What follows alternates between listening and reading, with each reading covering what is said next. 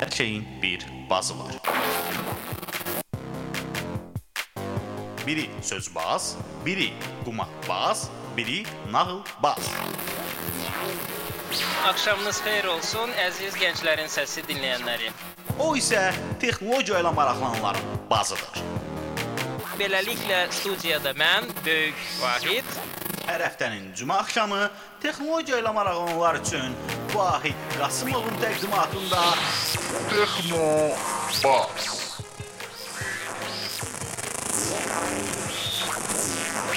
texnologiya ilə bağlı hər şey. Texnobazda.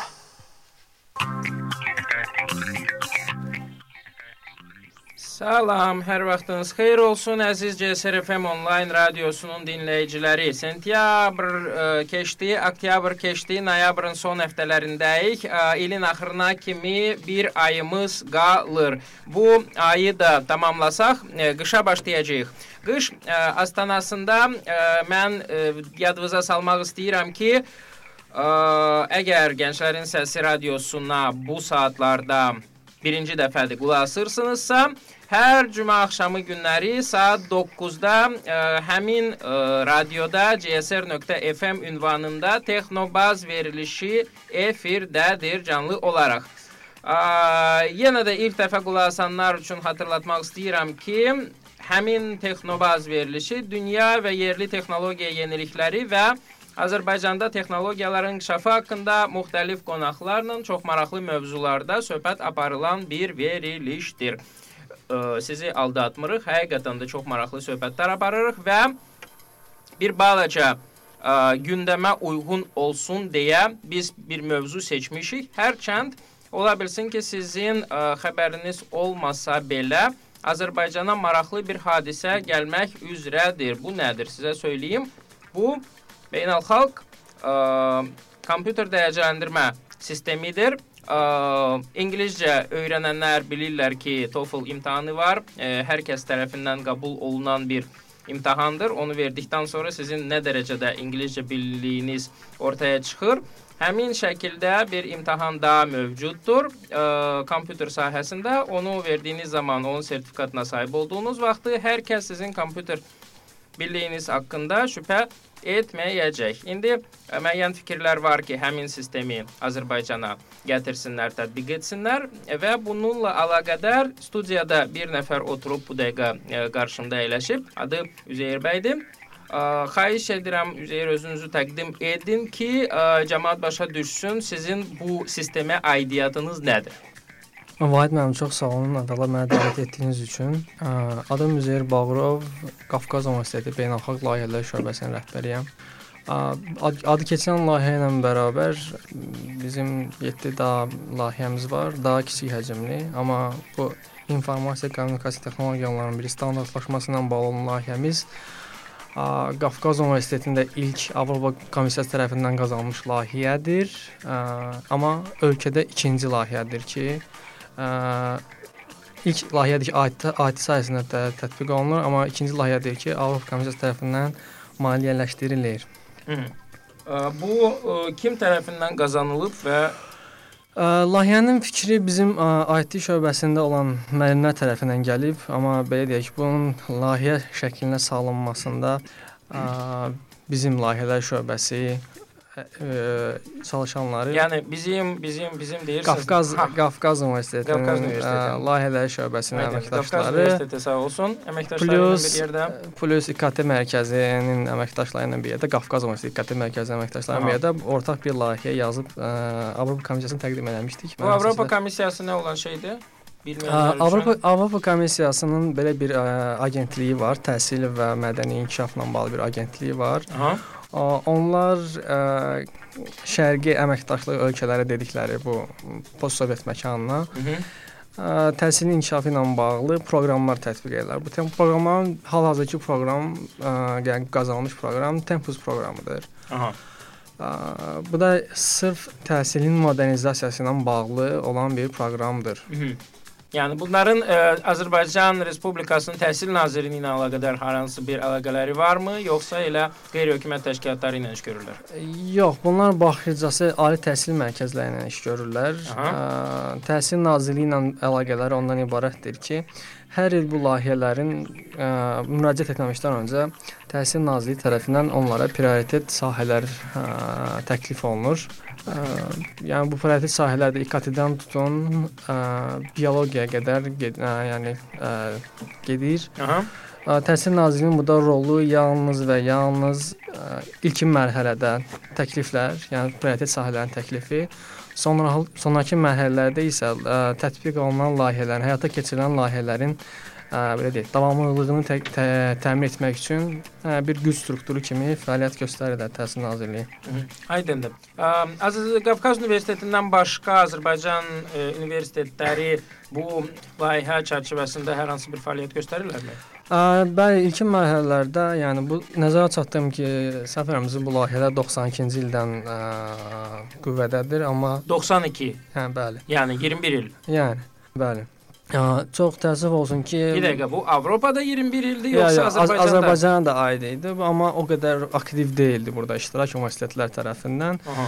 İlk dəfə bu layihəni Azərbaycan Dövlət Dillər Universiteti qazandı ə, 2011-ci ildə. Onlardan həmin sonra 1 il sonra da biz ə, layihəni qazandıq, amma bu proqramda aktiv iştirak edən universitetlər Dillər Universiteti, ə, Qafqaz, Xəzər, ə, ən sonunda İqtisad Universiteti uğur qazandı bu layihələrdə. Ə, iştirak edib, daha doğrusu aktiv olub nə edirlər? Ə, bunlar aktivlik onun, yəni universitetlərin bura partnyor kimi, yəni ə, Avropa tərəfindən yazılan layihələrə partnyor kimi girməsi çox asandır. Aha. Yəni siz yalnız 1-2 sənəd doldurmaqla bu layihədə iştirak edə bilərsiniz. A, nə yaxşı. Ə, amma və lakin əgər siz koordinator olaraq bu layihədə iştirak etmək istəyirsinizsə, ə, bu artıq bir yekə, yəni böyük bir iş, böyük bir vaxt tələb eləyir ə, və belə deyək də, universitetlərin nəinki Azərbaycanda ə, Avropada da partnyor universitetləri olmalıdır ki, bu layihədə iştirak edə bilsinlər. Partnyor kimi iştirak Koordinator. elədiyin zaman ə, nə baş verir, nə etmək lazımdır, hansı partnyor kimi- hüquqların var? Partnyor kimi yalnız ə,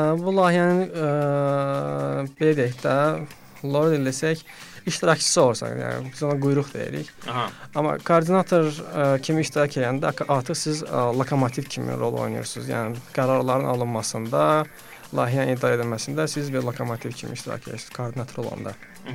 Ə, ümidvaram ki, bunun hər hansı bir təsiri olacaq Azərbaycanın inkişafı və təhsil sisteminin inkişafı üçün Aa. bilavasitə. Biz layihəni planlayarkən Qafqaz Universiteti olaraq ə, belə deyək də, bütün bu layihələrin maliyyələşdirməsi bu çox ə, dərin incələmələrdən keçir. Təxminən hər il, keçən ilin götürsək 600-700 ətrafında tək təklif olmuşdu və bu layihələr təklifindən seçilir layihələr. Yəni belə deyək, ə, yetərli qədər rəqabət var bu proqramda. Kiminlə kim arasında? Yəni universitetlər arasında belə deyək, bir yarışmadır bu sanki. Kimin fikri daha yaxşıdır, kimin fikri daha ə, yaxşı ola bilər, daha ə, təhsilin inkişafına böyük dəstək verəcək. Və kimin fikri daha ə, davamlıdır, yəni sustainable-dır. Onun da fikri ə, belə deyək də qazanır layihələrdən. Hə. İndi bu ə, son vəziyyət ə, nədir? Ə, bu necə deyirlər, məhz kompüter təhsili ilə əlaqədar, İKT təhsili ilə əlaqədar və ya təhsil sistemində ə, tətbiq olunması ilə əlaqədar bu kimə nə verəcək Ə, və ya nə verə bilər? Normalda Avropada yəni baxdığınızda bu kimi layihələrin hal-hazırda bizim nəzərdə tutduğumuz ə, dərslər, yəni təlimlər məktəblərdə keçir. Yəni universitetlərdə bu kimi təlimlərin o qədər çox yer verilmir. Yəni biz layihəni başlayanda fikirləşdik ki, biz bu məktəblərdən eləyənməliyik, çünki belə deyək, bunun üçün yetərli ə, müəllim kadrı yoxdur, yəni Azərbaycanda.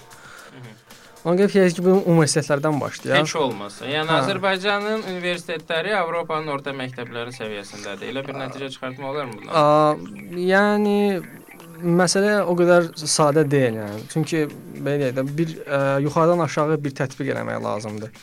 Məktəb məktəbdə ə, yəni inkişaf gedir, amma o inkişaf ə, yuxarıdan da dəstəklənməlidir. Yəni yuxarıdan dediyim ali təhsildən dəstəklənməlidir. Biz bunu ilkin mərhələdə ali məktəblərdə tətbiq eləyəcəyik. Bu bunun tutul tutulduğu təqdirdə bunu aşağı, yəni məktəblərə doğru ə, yendirməyi planlaşdırırıq. Ə, və də bu tə, bu sertifikatlar 3 3 mərhələdən ibarətdir. Ə, yəni əsas səviyyə, ə, dediyimiz core, ə, basic, ə, yəni lap sadə səviyyə, ondan aşağı və ə, ən yüksək səviyyə dediyimiz advanced səviyyədir. Bunun ə, ilk iki səviyyəsini, yəni basic-lə core məktəblərdə, advanced-da yaxın illərdə, yəni layihə ə, nəzərdə tutulur ki, universitetdə davam olunsun. Aha. Bu nə vaxt baş verəcək? Layihənin müddəti yaxın 2 Yəni ilə ümumiyyətlə bu standart, bu sistem və ə, Avropada neçənci ildən etibarən ə, tətbiq olunur? Aa, 96-cı illər, yəni 96-cı ildə bu Norveç tərəfindən ortaya qoyulmuş bir ə, bir fikirdir. Aha.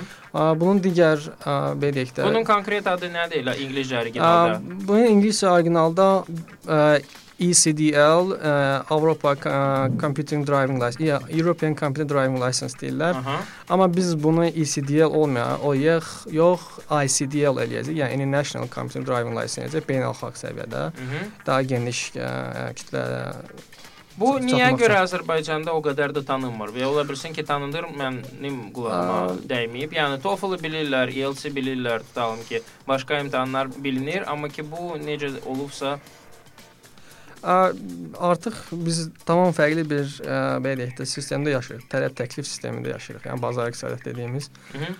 Ə, Hər halda bundan tələb olmadığı üçün ə, bazardan Bu indiyə qədər Ə, gəlməmişdi. Bura qədər yox, ə, mən bir araşdırma etdim. Azərbaycanda bunu tətbiq etməyə cəhd edənlər olub ə, 2002-ci, 2003-cü ilə qədər. Niyə alınmadı? Ə, Onların yetər qədər maliyyə vəsaiti olmadığı üçün alınmadı. Heyf, heyf, heyf. Maliyyə vəsaiti deyəndə, yəni ki, o məhz bu Avropa ə, tərəfindən maliyyələşdirmirmi?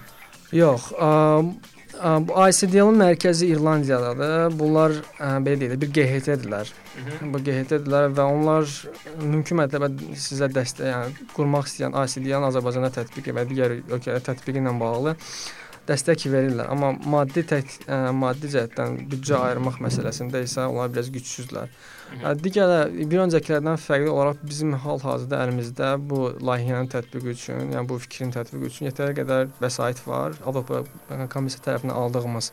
Ə, İdeya olaraq bu belədir. Ə, ICDL bir tərəfdə ə, bir, bir konsept olaraq, Avropa Komissiyası digər tərəfdə ə, donor olaraq və ali təhsil mərkəzləri di- ə, üçüncü tərəfdə bunu alıb istifadə etmək arzusunda olan bir ə, tərəf kimi. Avropa üçün bu nəyə lazımdır ki? Ə, Avropa üçün bu ə, Avropa üçün maraqlıdır ki, ə, əgər mənim qonşularım qarınları toxdursa, ə, mənim də başım ağrımayacaq deyə mən belə fikirləşirəm. Ə, və də ə, Avropada təhsilin Avropa təhsilinin dünyada tanıtılması bir növ istənilir. Ə, belə deyək, gedən dünyada baş verən bu bilik yarışmasında sanki Avropa ə, Amerikadan biraz geridə qalıb. Aha. Hə. Ə, belə deyək, ə, ona görə Avropa öz təhsil sistemini, öz təhsil mexanizmasını daha da geniş kütləyə yaymaq üçün, ə, təcrübələrini daha da geniş kütləyə yaymaq üçün bu kimi layihələrə əl atır deyə fikirləşirəm. Lap yaxşı. Bəs Azərbaycana bu nə verəcək? Ə, Hal-hazırda mövcud şəraitdə m, bunu bir çox yerdə misal olaraq deyirəm. Məsələn, mən universitet məzunuyam. Bəli. Və mən ixtisasım informasiya kommunikasiya texnologiyaları deyil. Deyil.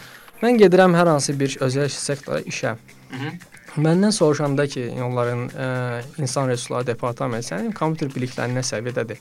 Mən ona cavab verə bilərəm? Uzun-uzun başa salmalısınız ki, mən Word-u bilirəm, interneti bilirəm, mail Word-u göndərə bilmək bilirəm, əgər Word-un üstünə Word-un üstünə tıklayıb sağ tərəfə basıb açmaqdan ibarətsə, bu onda sizin kompüter biliyiniz deyil. Ə, sadəcə o ə, məqsədimiz Azərbaycanda bu kompüter biliklərindən bəlli bir ə, meyar, bəlli bir ölçü gətirməkdir ki. Ə, necə ki mən ə, öz ingilis dili və digər hansısa bir xarici dili biliyimi hansı bir sertifikatla ə, ölçü meyara sala bilirəmsə, eyni ilə də ə, bu kompüter biliklərimi bəlli bir ölçüdə göstərə bilirəm. Yəni mən Azərbaycanda elə bir şirkət tanımıram ki, onlar işə qəbul etmək üçün TOEFL ə, balı tələb eləsinlər. TOEFL balı tələb eləmirlər, amma ki, məsələn mən şəxsən özüm ə, ə, intervyuda olarkən, yəni görüşmədə, iş görüşməsində olar, Hə. mənim ə, ingilis dili biliyimi soruşublar. Mən də ona qarşı tərəfdəki insana Yəni soruşurlar, "What's your name?" Baxırlar, Yox, yox, bilirsən ya yox. Məndən şəxsən soruşurlar ki, TOEFL-un və yaxud da IELTS-in varmı? Aha, Mən deyəndə var, o insan soruşdu ki, nəyin var? Dedim, mənim IELTS-im var. Dedi, nə qədər? Dedim, məsələn 7. aha. Ha, dedi, onda kafidir yəni. Bizim işə işimizdə yarıyar sənin ingilis.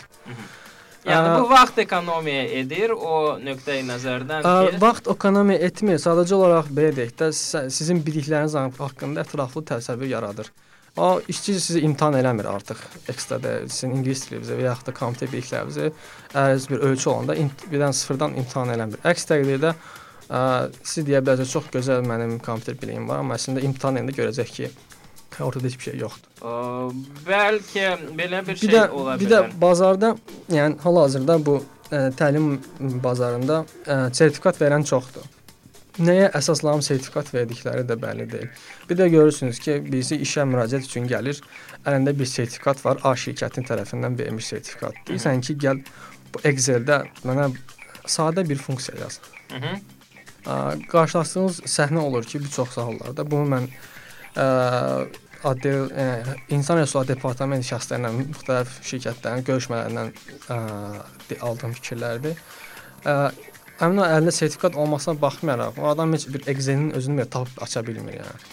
Yəni ki, o ola bilsin ki, nəzəri kursu bir şəkildə keçiblər, praktikaları yoxdur. Bəli, ə, bu Və ya bir dənə də şey var. Yəni kurs bütün hər şey kompüter və ya ümumiyyətlə IT çox ətraflı bir mövzudur. Bütün mövzuları birdən əhatə etmək mümkün deyil bir kursla. Təbii, təbii, təbii. Amma ə, bizim nəzərdə tutduğumuz kurslar vasitəsilə göstərəcəyik ki, məsələn, sizin ə, və də ə, nəzərinizə çatdırım ki, bu ICDL sertifikatları hər hansı bir kommerş, ə, yəni ticari ə, belə deyək də sistemə bağlı deyil.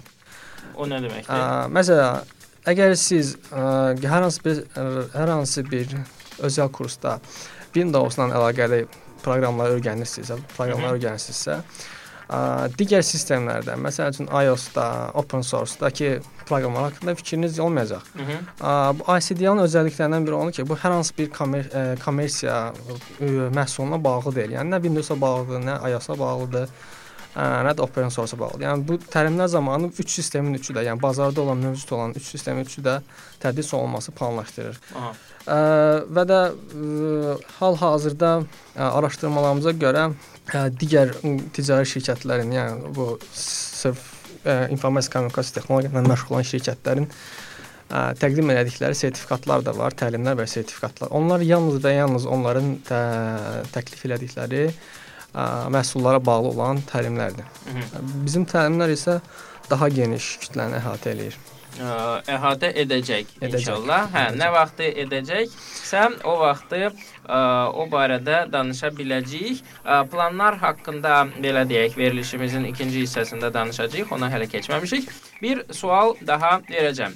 Ə, bu belə olduğu təqdirdə ə, yalnız müəyyən şeylər var ki, ə, onlar yenə də ə, dünya üzrə mötəbər olsa belə Azərbaycanda ə, müəyyən əlavə şeylər tələb olunur. Məsəl üçün TOEFL imtahanı ola-ola, yəni hər kəs ona etibar etdiyi halda yenə də ə, məsəl üçün ə, xarici dillər universitetinə daxil olmaq üçün ingilis dilindən biz ə, tələbə qəbulu üzrə dövlət komissiyasının imtahanı vermək məcburiyyətindəyik. Yəni orada TOEFL vermişəm, bu qədər bal yığmışam desəm, onu heç kim qəbul eləməyəcək.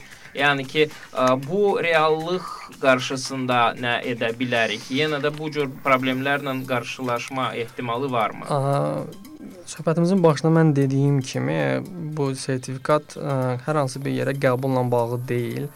Ə, sırf ə, tə, təlimdən keçən şəxslərin ə, iş tapmasında onlara kömək olacaq. Ə, çünki artıq ə, şirkətlər də belə deyək də vaxtlarının daha dəyərli olduğunu anlayırlar.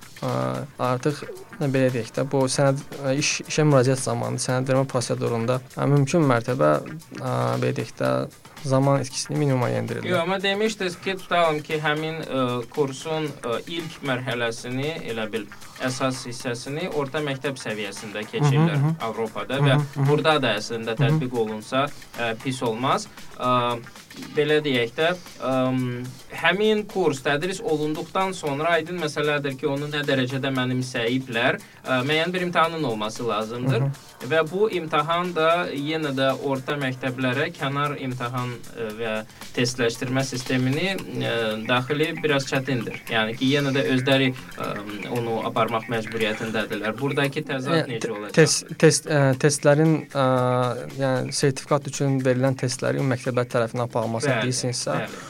Bu belə olmayacaq. Bu hal-hazırda Azərbaycandan 9 ali təhsil mərkəzi və Təhsil Nazirliyi layihənin partnyorlarındandırlar. Layihənin planlanması ə, mərhələsində biz ə, mümkün mərtəbə çalışdıq ki, ə, müxtəlif Azərbaycanın bölgələrindən olan universitetləri də işin içinə alaq. Hı -hı. Yalnız Bakıdan kifayətlənməyək. Hal-hazırda bizim Gəncədən, Lənkərandan və Naxçıvandan olan ə, əməkdar universitetlər var. Bu o deməkdir ki, ə, aranı çıxmaq şərti ilə, bir də şimal bölgəsinə çıxmaq şərti ilə bir çox bölgələrimizdə bizim test və təlim mərkəzləri olacaq. Ə, bu testlər bu, tə, bu sertifikatlaşdırma yəni bu strate strategimiz odur ki, istəyə bağlıdır, məcbur deyilsən. Ə, bu əgər bunun ə, sənə yəni şəxs olaraq xeyrini anlayırsansa, onsuz da bu testə girəcəksən və bu məktəblərdə cüzi bir şey olacaq. Cüzi bir məbləğ olacaq, yəni. Aha, amma imtahan ümumiyyətlə pulludur. İmtahan ümumiyyətlə pulludur. O pulu da tələb eləyən bilirsiniz ki, TOEFL IELTS-in də ə, müəyyən bir xərci var. Bəli, Çünki bəli. bu bu sistemin qurulmasıdır, bu testlərin hazırlanmasıdır, materialın hazırlanmasıdır.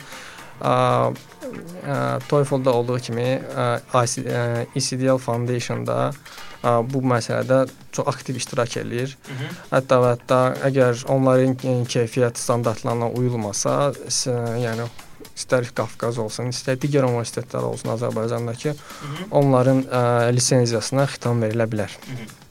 Onun nəzarəti necə həyata keçirilir?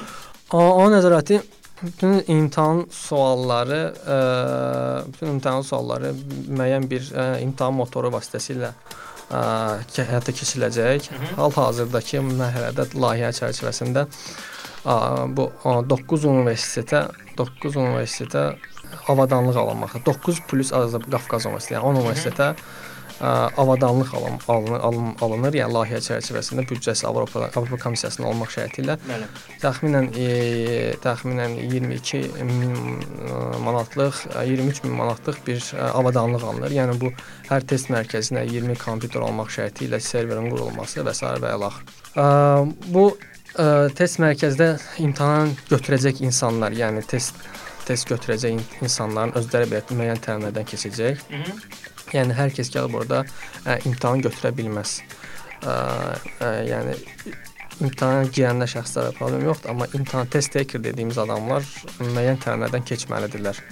Ə, onların ə, təhlükəsiz testlərin təhlükəsizliyi, ə, imtahan zamanı ə, ola biləcək ə, anlaşılmazlıqlar, ola biləcək axsamaların zamanı nə eləmək olar, nə eləmək olmaz, qayda, qanun qayda məsələlərindən müəyyən bir təlimlərdən keçəcəklər ki, iləriki mərhələlərdə mən bilmirdim, mən başa düşməmişdim, məsələlər ortaya gəlməz. Aydındır, aydındır. Bir balaca daha ətraflı bu barədə biz söhbətimizin ikinci hissəsində danışacağıq. İndi isə bir mahnıya qulaq asaq, ondan sonra söhbətimizə davam edərik.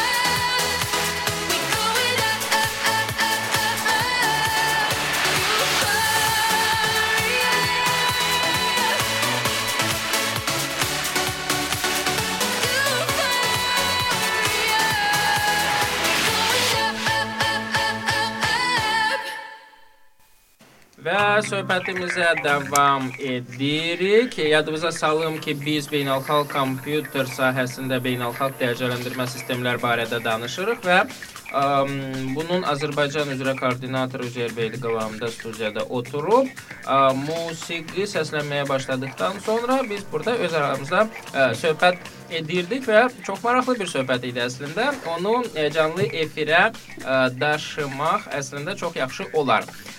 Nəzəri olaraq hər şey gözəl səslənir. Bunun tətbiqi necə olacaq? Məsələn, deyəlim ki, pul var. 9 dənə və ya 10 dənə universitetlə danışılır. Bunlarda hansı mərkəz açılacaq? Sertifikatlaşdırma mərkəzi yoxsa trening mərkəzi? Qafqaz belə deyək də əsas mərkəz olacaq. Aha. Təlim və tədris, təlim və test mərkəzi. Okay. Ə, digər universitetlər də oxşar mərkəz olacaq. Amma balaca. Ə, yox, eyni eyni ölçüdə olacaq. Amma Ə, amma qərar ə, qərar məsələsində, mərkəz məsələsində hı. bir heyət qurulacaq. Qafqaz və digər universitetlərdən ibarət bir heyət. Mhm. Ə, bundan sonrakı mərhələdə, yəni qrantın ə, müddəti var. Yəni 2 yaxın 2 il ərzində bu bitəcək. O bitəndən sonrakı addımlar məsələsində artıq belə deyək də ortaq bir qərar vermə mexanizmi quracağıq. Mhm. Ə, Əsas məqsəd bu sertifikatların özəl sektor tərəfindən tutulmasıdır. E, sualıma cavab verməmisiniz. Universitetlərdə qurulası mərkəzlər sertifikatlaşdırma mərkəzi olacaq, yoxsa tədris mərkəzi olacaq? Həm tədris, həm sertifikatla məşğul. həm sertifikat. o, həm bu. Bəli, bəli. Aha. Ə, O, bu yəni qədər kadr varmı ki, ə, 10 universitetdə birdən tədris keçirilsin? ə, Hərəsində hər- 20 hər- kompüterlər. hər- Yəni ki, bu əslində yaxşı bir imkandır. 200 nəfər birdən, məsələn, Ə, Bu birdən olmayacaq. Ə, Hər universitetin ilkin mərhələdə bu universitetin öz ə, belə deyək də əməkdaşları üçün olacaq, əməkdaşlar və tələbələri üçün. Mhm. Ə, Nəzərdə tutulur ki, yaxın 2 il ərzində ə, universitetin ə, 300 əgər varsa təbii ki, 270 əməkdaşı varsa biz heç nə edə bilmərik. Var var olan universitetdə 300 əməkdaş Mhm. artı ə, Tələbə. 600 tələbə təlim olunsun. Mhm. Təlimlərdən Bəs keçirsin. belə bir ehtimal Amma sertifikat məsələsinə gəldikdə sertifikat azaddır. Əgər Hə, ala bilərlər, almaya Hə, öz bilərlər. istəklərinə bağlıdır. Əgər ə, özlərində belə bir ehtiyac hiss edirlərsə ki, mənim sertifikat alsam, mənim üçün xeyir olacaq ki, biz bunu biz bunu bunlara göstərməliyik, başa salmalıyıq ki, əhəmiyyətlidir. Ala alacaqlar. Yəni bu məcburi olmayacaq. Bir dənə də sual. Sertifikatlaşma pulludur. Tədris necə bəs? Tədris pullu mu olacaq? mu Universitetlərdə olan tədris, yəni Hı layihə çərçivəsində olan tədrislər ə, pulsuz olacaq. Aha. Yəni bu tələbələr üçün bir fürsətdir. Təbii ki, tələbələr üçün fürsətdir və layihə çərçivəsində ə, sertifikatların çox cüzi bir şey olacaq. Ə, Qiyməti. Qiyməti olacaq. Yəni ə, gülməli deyəcək qədər cüzi olacaq.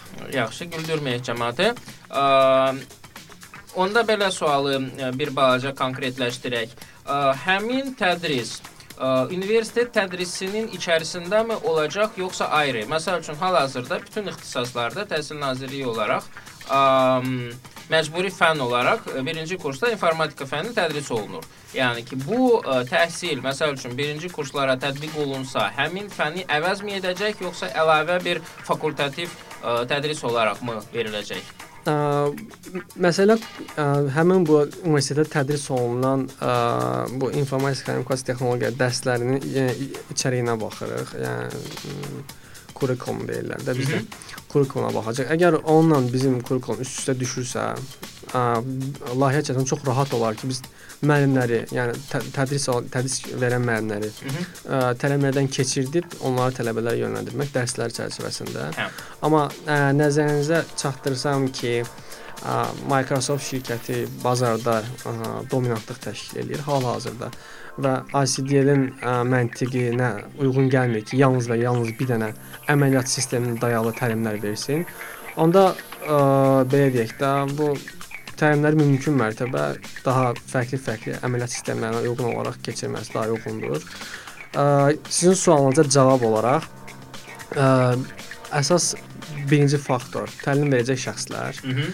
Əgər həmin ə, təlim verəcək universitet və rəhbərliyi razıdırsa ki, yalnız Microsoft deyil, digər əməliyyat sistemlərində ə, dərslər çərçivəsində həyata keçirməyə razılıq edəcəksə, bizim üçün daha da rahat olardı ki, Ə, Mənə elə gəlir ki, buna heç kim qarşı çıxa bilməz. Əlavə olaraq bunu da qeyd edim ki, ə, vaxt var idi ki, yəni ki, yaxın bu bir 10 illik ərzində bir ara ə, məktəblərə quraşdırılan kompüterlər hətta ə, Linux əməliyyat sistemi ilə quraşdırılırdı. Yəni ki, Windows deyildi və hal-hazırda bir çox universitetdə laboratoriyadakı kompüterlərdə Windows olsa belə, yəni ki, o lisenziyasız bir Windowsdur. Yəni onun sırf digər əməliyyat sistemləri millət e, bilmir deyə bunu quraşdırırlar. Yəni ki, əgər təlim onu nəzərə alsa ki, bunu da öyrədirik, artıq seçim ə, qalacaq, necə deyirlər, insanların özlərində. Ə, məqsəd hər hansı bir ə, belə çərçivəyə sığmamaq, ə, mövcud olan imkanlardan ən ən optimal şəkildə istifadə etməkdir. Aha. Mənə sığar 3 əməliyyat sistemi, Ə, hətta sığmazam. hətta və hətta varsa dördüncü də sığar. Dördüncüsü nə hansı olacaq görəsən? Ə, ola bilər yəni. Yəni Android-i salarsınız, əgər o bilər. kimi kompüterlərdə ə, biraz yayılsa. Ə, yaxşı.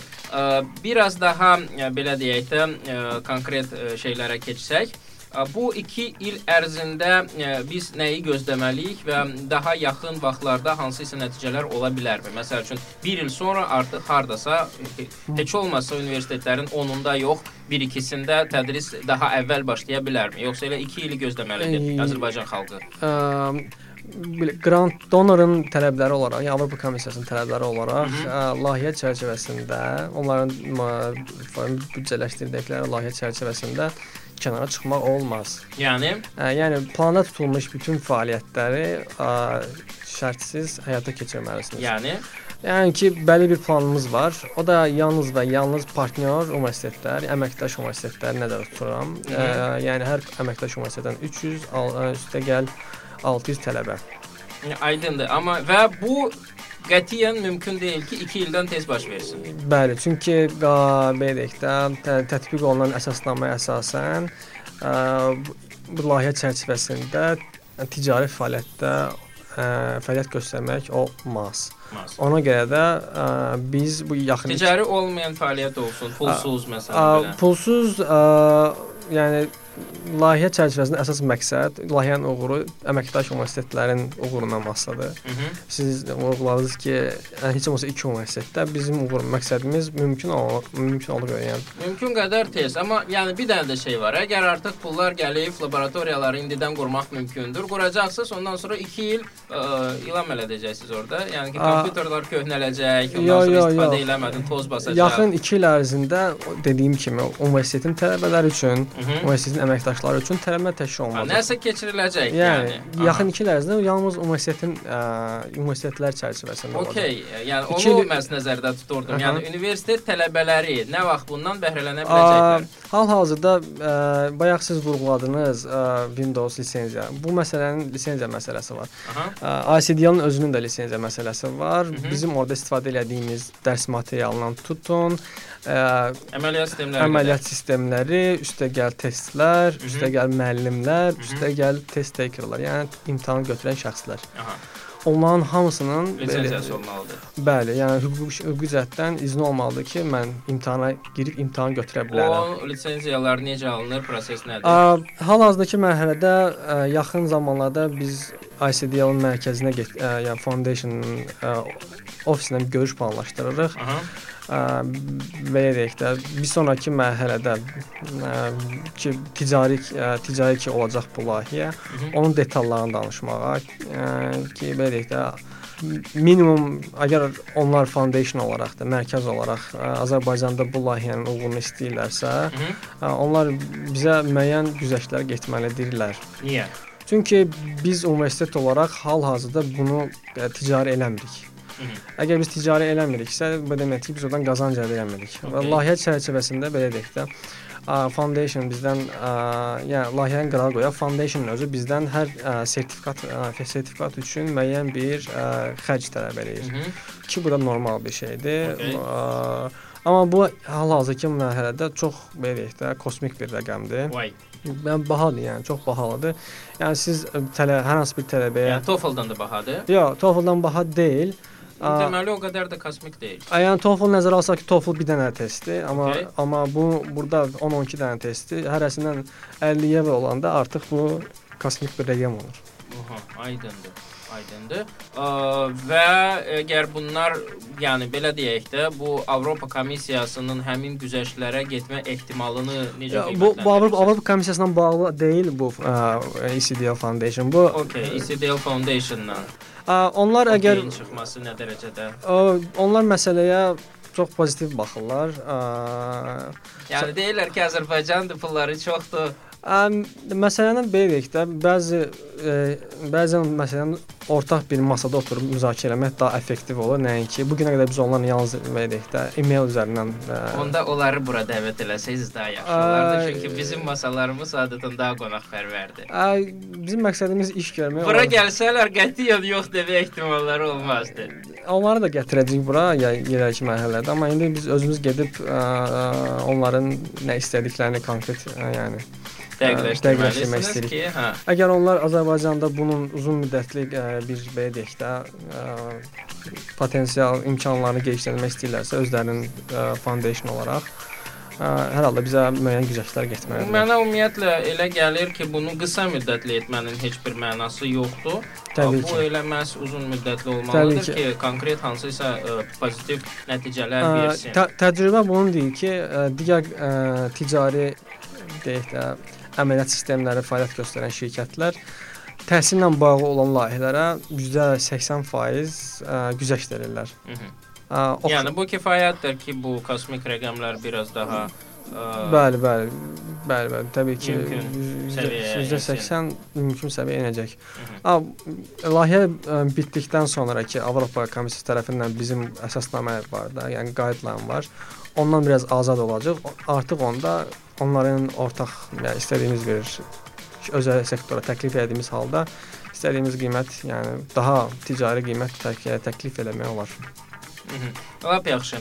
Deməli, yenə də mən biraz tarix məsələsini eşitmədim. Bu universitet tələbələri hansılar ki, sizdə partnyor kimi fəaliyyət göstərir. Onlar belə deyək də təxmini ən qısa vaxt nə vaxt bu tədrisə başlaya biləcəklər? Məsəl üçün növbəti təhsil ilindən, sentyabrdan etibarən bu təlimlər Yox. ola biləcəkmi? Yox, yox, yox. Da, yox. daha tez, daha Ah, tez. Hətta daha tez. Daha tez, bəli. Hal-hazırda ə, belə deyək də, tədris materialları üzərində işlənilir. Ə, tədrislərin ə, iki dildə, hal-hazırda iki dildə olmasını planlaşdırırıq, ingilis və Azərbaycan dilində. Aha. Ə, iləriki mərhələlərdə əgər digər dillərdə tələb olarsa, ki, məsələn, rusca tələb olarsa, ə, o dildə də tədris və test ə, nəzərdə tutulur.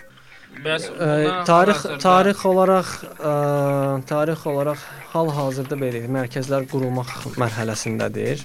Mhm. Yəni ofis olaraq, ə, test sentr olaraq qurulmaq mərhələsindədir.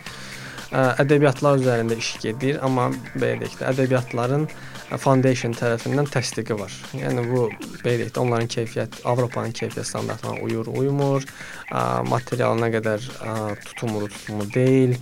Bu məsələlər var. Bunlar da biraz belə deyək də bürokratik məsələlərdir foundation tərəfindən. Onlar belə deyək öz ekspertləri vasitəsilə bunları yoxlayacaqlar. Yoxlasınlar. E, ümid eləyirəm ki, o vaxta qədər hazır olacaqsınız tam olaraq Ə, ki, məqsədimiz bunu ə, te- tez yox, ə, ən optimal vaxtda və ən keyfiyyətli şəkildə ortaya hə, qoymaqdır. əsas məsələ əlbəttə ki, hə, keyfiyyətdir. çünki belə deyək də tələsən yerimiz o qədər də yoxdur. Hə, tələsən təndirə düşər. Bir dənə də sual. Bu imtahanın müəyyən bir müddəti varmı? Tutalım ki, mən hal-hazırda keçdim, sertifikatımı aldım. Ə, 10 il sonra getdim harasa işə düzəlməyə. Dedim ki, sertifikatım var. Baxdılar, dedilər ki, bunun müddəti keçdi artıq. Təbii, təbii, təbii, təbii. Bunun bir müddəti var, müddəti var. Müddət olaraq hələ dəqiq bir rəqəm, yəni tarix deyəməyəcəm. Avropada nə qədərdir? Orda adətən neçə ildən bir bunu vermək lazımdır? Bu bunlar ə, s- əgər səhv etmirəmsə 2-3 ildən 3 ildən bir dəyişir yəni. Çünki Vay. yəni 3 3 il ərzində dünya informatika kommunikasiya texnologiyaları sahəsində ə, yəni yəni 3 3 əsrlik bir dəyişiklik olur digər şeylərlə müqayisədə. Çox çox biraz yaxşı olmadı. Çünki birinci kursda əgər tələbə bunun kursunu alsa və sertifikatını alsa, məzun olmamış, bunun artıq vaxtı keçəcək. Ə, Beləliklə işə düzəlmə mərhələsində artıq əlində heç bir sənəd olmayacaq. Nəzərə alsaq ki, tələbə öz planını özü eləyir. O artıq tələbənin belə deyək də, ə, tələbənin öz seçimidir. Onda məsləhət görək ki, birinci kursda onun kursunu keçsinlər, sertifikat imtahanını axırıncı kursda versinlər. Məsələn, mən tələbə olarkən ə, IELTS vermədim, gözlədim. Hı -hı. Çünki bilirdim ki, mənim tələbə olanda mən verikdə ən az bir dil sertifikatı almağım. Hə, amma 3-4 il ərzində ingilis dili dəyişməyib, yəni ki, burada belə bir nüans var balaca amma- ki, burada nəsə öyrənərsən 3 il sonra hamısı dəyişəcək. Yox, də, ə, dil dəyişməsə də ə, metod dəyişir. Ə, əgər baxsaq məsələn 3 il qabaqki ə, TOEFL-la, indiki TOEFL-a acayip dəyişikliklər var. Əvvəl paper based idi, indi IBT, ə, sonra computer based oldu, sonra oldu internet based. Yəni istənilən sahədə ə, sürətli inkişaf gedir. Hələ-hələ texnologiya sahəsində bu sürət ə, kosmik sürətdir yəni. Yaxşı, onda ümidvaram ki, ə, hər nə qədər olsa, istər tələbələr, ə, istərsə ümumiyyətlə digər belə deyək də artıq kommersiya əsaslı həmin sertifikasiyanı ə, keçmək istəyən insanlar özləri üçün düzgün qərar verəcəklər və bizim biznes strukturları da maraq göstərəcək ki, onlara artıq həmin imtahanı vermiş sertifikatlı ə, mütəxəssislər ə, gəlsin, işə müraciət etsin və ümumiyyətlə bu sistem və bu sertifikasiya Azərbaycanda tutsun. Ə, bizim ə, vaxtımız ə, artıq bitmək üzrədir. Dinləyicilərimizə ə, belə deyək, son ürək sözləriniz nədir bu mövzu ilə əlaqədar? Ə, Sizi dinləyək və ondan sonra verilişimizə yavaş-yavaş son verək. Qafqaz Universiteti olaraq ə, məqsədimiz belə təhsil yalnız təhsil deyil, təhsillə bərabər innovasiya və araşdırmadır. Ə, əminəm ki, bu tip layihələr Azərbaycanda ə, rəqabətçil təhsilin inkişafına səbəb olacaq ə, və də ə, rəqabət deyəndə nə nəzərdə tutulur? Ə, rəqabət vasitəsilə ə, Avropa, ə, Qərb sürətlə inkişaf elədi. Əgər rəqabətli bir mühit varsa, istər təhsil sahəsində olsun, istər özəl sektorda olsun, ə, hamı inkişaf edəcək. Ə, ümid edirəm ki, Qafqaz və digər universitetlər, ə, partner universitetlər Azərbaycan təhsilinin inkişafında öz sözünü deyəcəkdir. Ümumiyyətlə bütün Azərbaycana və Azərbaycan xalqına inkişaf ə, arzulayırıq və burada da biz ə, verilişimizi ə, qurtarırıq. Hər kəsə yaxşı günlər və inkişaf arzulayıram. Sağ olun.